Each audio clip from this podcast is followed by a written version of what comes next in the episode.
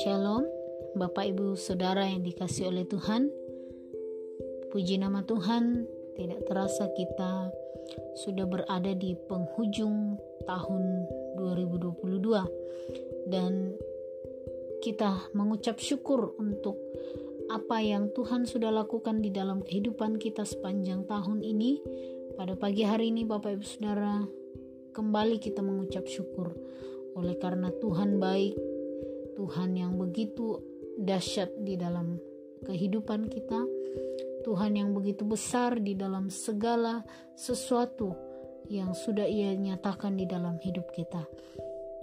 Sebelum kita merenungkan kebenaran firman Tuhan pada pagi hari ini, mari kita menyatukan hati kita, kita berdoa.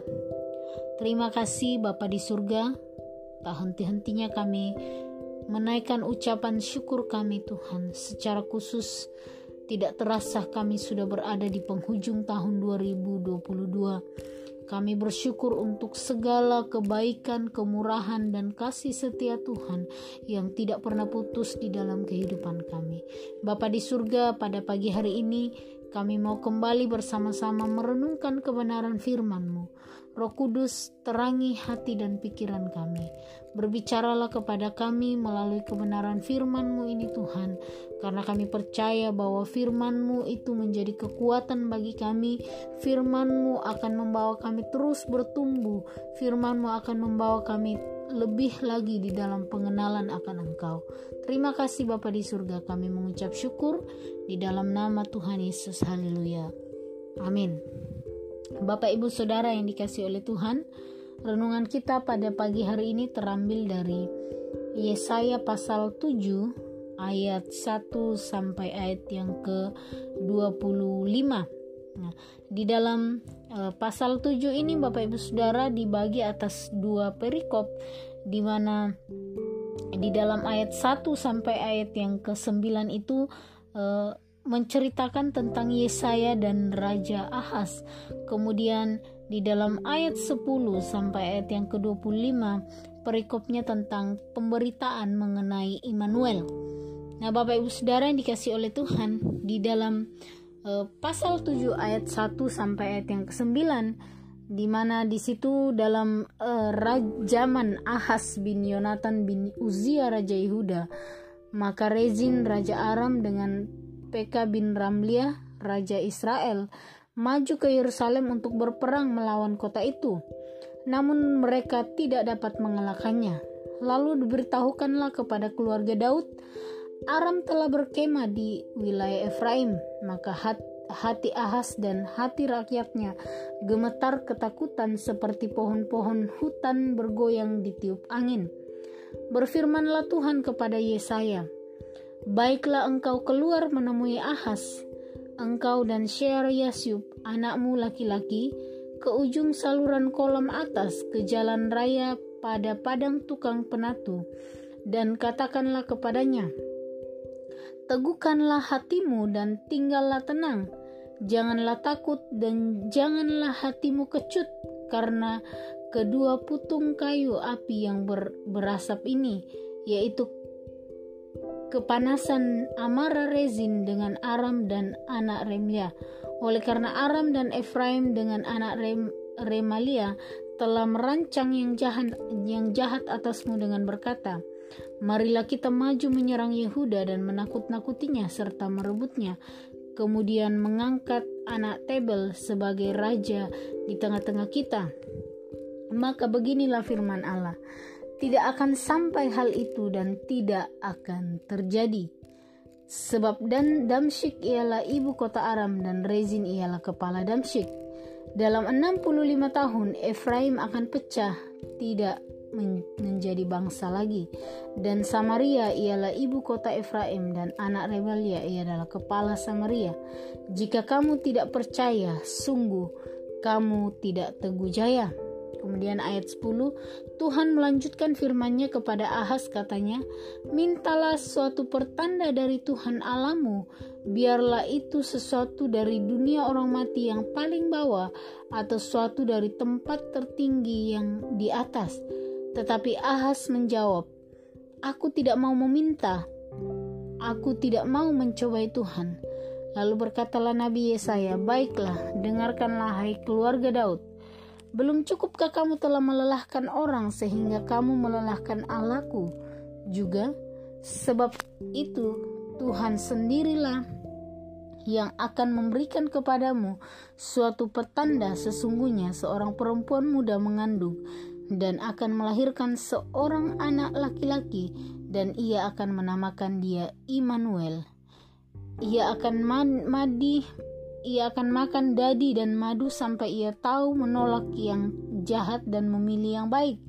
Sebab sebelum anak itu tahu menolak yang jahat dan memilih yang baik, maka negeri kedua rajanya engkau takuti akan ditinggalkan kosong Tuhan akan mendatangkan atasmu dan atas rakyatmu, atas kaum keluargamu, hari-hari seperti yang belum pernah datang sejak Efraim menjauhkan diri dari Yehuda, yakni Raja Asyur, sampai seterusnya Bapak Ibu Saudara. Nah Bapak Ibu Saudara yang dikasih oleh Tuhan, di dalam uh, pasal 7 ini, di mana Yesaya ya sebagai nabi yang diutus oleh Tuhan untuk menyampaikan pesan kepada Raja Ahas di, untuk mengatakan bahwa teguhkanlah hatimu dan tinggallah tenang, janganlah takut dan janganlah hatimu kecut karena ke, kedua putung kayu api yang berasap ini yaitu kepanasan amarah rezin dan aram dan anak remalia. Di mana kalau kita melihat di dalam ayat 2 ketika uh, diberitahukan kepada keluarga Daud bahwa Aram telah berkemah di bawah Efraim. Di situ uh, Ahas Raja Ahas dan hat, uh, rakyatnya mengalami ketakutan yang luar biasa. Dikatakan ketakutan yang mereka alami itu seperti pohon-pohon hutan bergoyang di tiup angin. Ya apa yang mereka alami itu mengguncangkan iman mereka mengalami ketakutan tetapi di tengah-tengah ketakutan itu Allah mengirim Nabi Yesaya untuk memberikan kekuatan kepada mereka. Dikatakan bahwa teguhkanlah hatimu dan tinggallah tenang. Janganlah takut dan jangan hatimu kecut. Ya. Tetapi Bapak Ibu Saudara yang dikasih oleh Tuhan respon Ahad Ahas adalah justru bukan membuat dia semakin imannya semakin teguh tetapi justru dia semakin tidak mempercayai Tuhan. Di dalam ayat 10 Tuhan melanjutkan firman-Nya kepadanya kepada Ahaz katanya mintalah suatu pertanda dari Tuhan Alamu biarlah itu sesuatu dari dunia orang mati yang paling bawah atau suatu dari tempat yang tinggi di atas. Tetapi Ahaz menjawab aku tidak mau meminta Aku tidak mau mencobai Tuhan. Nah, Bapak Ibu Saudara yang dikasih oleh Tuhan, di sini uh, Ahas justru menolak tawaran yang uh, diberikan ya kepada dia. Oleh karena apa? Karena ketidakpercayaannya kepada Tuhan.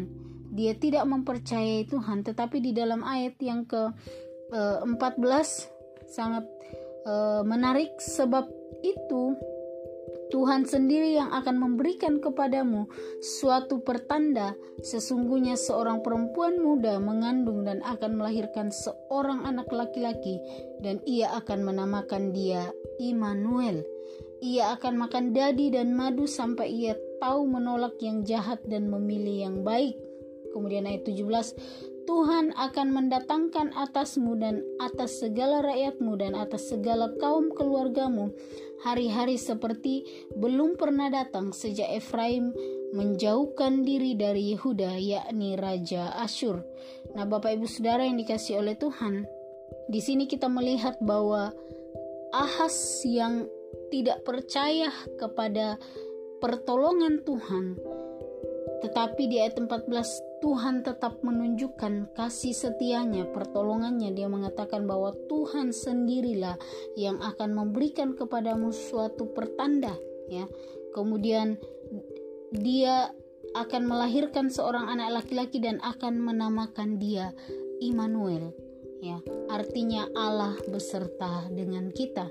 Nah, di dalam uh, pasal ini ada beberapa hal yang dapat kita pelajari bahwa yang pertama waktu kita mempercayai kuasa Allah karena kita adalah karena kita percaya bahwa Allah kita adalah Allah yang berkuasa dan Allah yang mampu menyelamatkan kita. Dia adalah Allah yang mampu melakukan hal-hal yang di luar kekuatan manusia. Janji yang Tuhan nyatakan melalui Nabi Yesaya, Tuhan mengatakan, "Teguhkanlah hatimu dan tinggallah tenang." Ini adalah janji Tuhan untuk waktu di dalam situasi ketakutan yang dialami oleh Ahas, ketakutan yang sangat yang sangat uh, takut ya dikatakan bahwa seperti pohon-pohon hutan bergoyang artinya dia sedang ada di dalam situasi yang sangat genting. Tuhan mengatakan teguhkanlah hatimu dan tinggallah tenang. Janganlah takut dan jangan hatimu kecut. Sebenarnya adalah Tuhan sedang mengatakan kepada Ahas untuk bergantung sepenuhnya kepada Tuhan. Tapi Ahas menolak itu karena apa? Karena dia tidak mempercayai Allah. Mari kita belajar untuk tetap mempercayai kuasa Tuhan bahwa kuasa Allah itu adalah berkuasa untuk menyelamatkan kita, untuk menolong kita dari segala jenis ketakutan apa pun yang kita alami. Kemudian Bapak Ibu Saudara yang dikasih oleh Tuhan di dalam ayat uh, eh, 11 di situ dikatakan bahwa mintalah suatu pertanda dari Tuhan. Tuhan memberikan kesempatan kepada Ahas untuk melihat bagaimana Tuhan bekerja di dalam kehidupannya, tetapi di situ sekali lagi Ahas menolak dan di ayat yang ke-14 di, dikatakan bahwa Tuhan sendirilah yang akan memberikan kepadamu suatu tanda. Bapak Ibu Saudara yang dikasih oleh Tuhan, mengandalkan Tuhan di dalam segala hal bukan berarti kita mengandalkan kekuatan kita sendiri atau mengandalkan kekuatan manusia. Tuhan mau supaya kita bergantung sepenuhnya kepada Tuhan, karena hidup kita adalah milik Tuhan, dan oleh karena Ahas menolak Tuhan mengatakan Tuhan sendirilah yang akan memberikan kepadamu suatu pertanda. Tuhan mau supaya kita mengandalkan Tuhan sepenuhnya. Tuhan memberikan tanda kepada Ahas bahwa dia akan melahirkan seorang anak laki-laki dan menamakan dia Immanuel artinya Allah beserta dengan kita. Di dalam segala kehidupan ya dalam kehidupan kita ya melewati satu tahun ya tidak terasa kita melewati satu tahun ada banyak rintangan ada banyak tantangan yang kita hadapi. Tapi kita belajar untuk mempercayai bahwa Tuhan yang pegang kendali atas hidup kita. Tuhanlah yang memegang kendali di dalam segala kehidupan kita sehingga dengan mempercayai bahwa pertolongan Tuhan itu jauh melebihi daripada apa yang manusia pikirkan. Kadang-kadang kita memandang, waktu kita memandang, kita pandangan kita itu terbatas Bapak Ibu Saudara. Tetapi pertolongan Tuhan itu jauh melebihi dari apa yang bisa kita lihat. Oleh sebab itu mari tetap mempercayai kuasa Tuhan dalam kehidupan kita. Kemudian Bapak Ibu Saudara dari uh, pasal ini kita belajar bahwa jangan ada ketakutan di dalam melewati segala keadaan. Mungkin ya di dalam uh, dua tahun terakhir kita mungkin mengalami waktu pandemik awal-awal pandemik ada banyak ketakutan-ketakutan yang kita alami. Tapi puji Tuhan kita berada di penghujung tahun 2022 ini, kita bisa melihat kembali ke belakang bahwa di dalam setiap ketakutan-ketakutan yang kita alami, ternyata kita masih ada sampai hari ini, membuat kita kembali mempercayai Tuhan bahwa jangan ada ketakutan waktu kita melewati segala keadaan sebab dia adalah Allah Immanuel, Allah yang beserta dengan kita. Tuhan kita adalah Tuhan Immanuel, Allah yang menyertai kita baik di dalam keadaan yang senang, dalam keadaan yang susah, tetap andalkan Tuhan ya mengandalkan Tuhan di dalam segala hal bukan mengandalkan status kita bukan mengandalkan kekuatan kita sebagai manusia, pangkat yang kita miliki, tetapi mari mengandalkan Tuhan di dalam segala hal. Kiranya eh, dari pasal ini kembali mengingatkan kita, mari mempercayai kuasa Allah, sebab Allah adalah Allah yang berkuasa dan mampu menyelamatkan kita. Mari mengandalkan Tuhan di dalam segala keadaan, dalam segala hal, bukan hanya ketika kita melihat bahwa Tuhan mampu, tetapi di dalam segala hal yang tidak kita pikirkan sekalipun, andalkan Tuhan. Kemudian, Bapak Ibu Saudara mempercayai bahwa pertolongan Tuhan itu jauh melebihi daripada apa yang bisa kita lihat secara kasat mata. Dan yang keempat adalah jangan ada ketakutan di dalam melewati setiap situasi yang kita alami karena kita percaya bahwa Dia adalah Allah Immanuel, Allah yang senantiasa beserta dengan kita di dalam setiap keadaan kita. Kiranya kita mengakhiri tahun ini dengan berpegang teguh untuk tetap mengandalkan Tuhan ya. Kita mengawali tahun 2023 dengan membangun komitmen di dalam diri kita bahwa mari mempercayai Tuhan akan ada banyak ketakutan-ketakutan di depan yang mungkin membuat kita takut untuk melangkah. Tapi waktu kita percaya kepada Tuhan, waktu kita mengandalkan Tuhan, kita akan melewati ketakutan itu bersama dengan Tuhan. Tuhan Yesus memberkati kita, mari kita berdoa.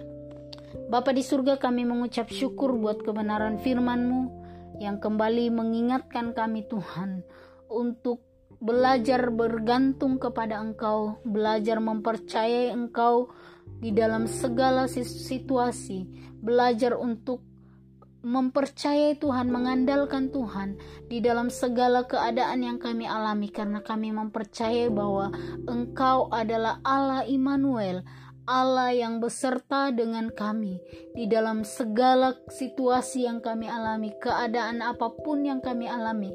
Kami mau belajar untuk tetap mempercayai Tuhan dalam hidup kami. Terima kasih untuk satu tahun bisa kami lewati Tuhan. Ada banyak tantangan, rintangan, tapi di dalamnya kami melihat Tuhan bekerja, Tuhan menyertai kami. Engkau Allah Immanuel sampai hari ini kami ada oleh karena penyertaan-Mu Tuhan. Dan untuk memasuki tahun-tahun yang baru Tuhan sekali lagi kami mau memulai tahun dengan membangun sebuah komitmen bahwa kami mempercayai Engkau Tuhan. Karena firman-Mu mengatakan bahwa teguhkanlah hatimu dan tinggallah tenang. Janganlah takut dan jangan hatimu kecut kami mau belajar untuk tidak takut. Kami mau belajar untuk tidak tawar hati karena Engkau Allah yang akan membela kami. Engkau Allah yang akan menyertai kami. Sebab kami percaya bahwa Tuhan sendiri yang akan memberikan tanda kepada kami untuk kami tetap mempercayai Engkau. Terima kasih Tuhan, kami mengucap syukur di dalam nama Tuhan Yesus. Haleluya. Amin.